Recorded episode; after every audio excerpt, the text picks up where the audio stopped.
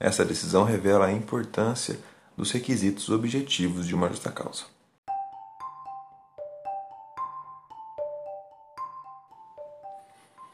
Em sede de recurso, a primeira turma do Tribunal Regional do Trabalho da Nona Região reverteu justa causa aplicada contra funcionário de uma empresa de bebidas de Biporã.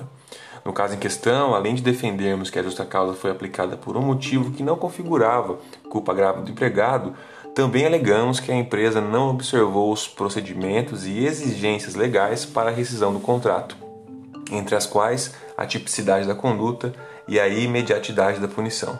Esta foi a tese acolhida pelo tribunal. No acordo, o desembargador relator destacou que o aviso de dispensa do empregado sequer indicava as razões da justa causa aplicada e era genérico. Tais fatos, entre outros, foram determinantes para a reversão da justa causa aplicada indevidamente.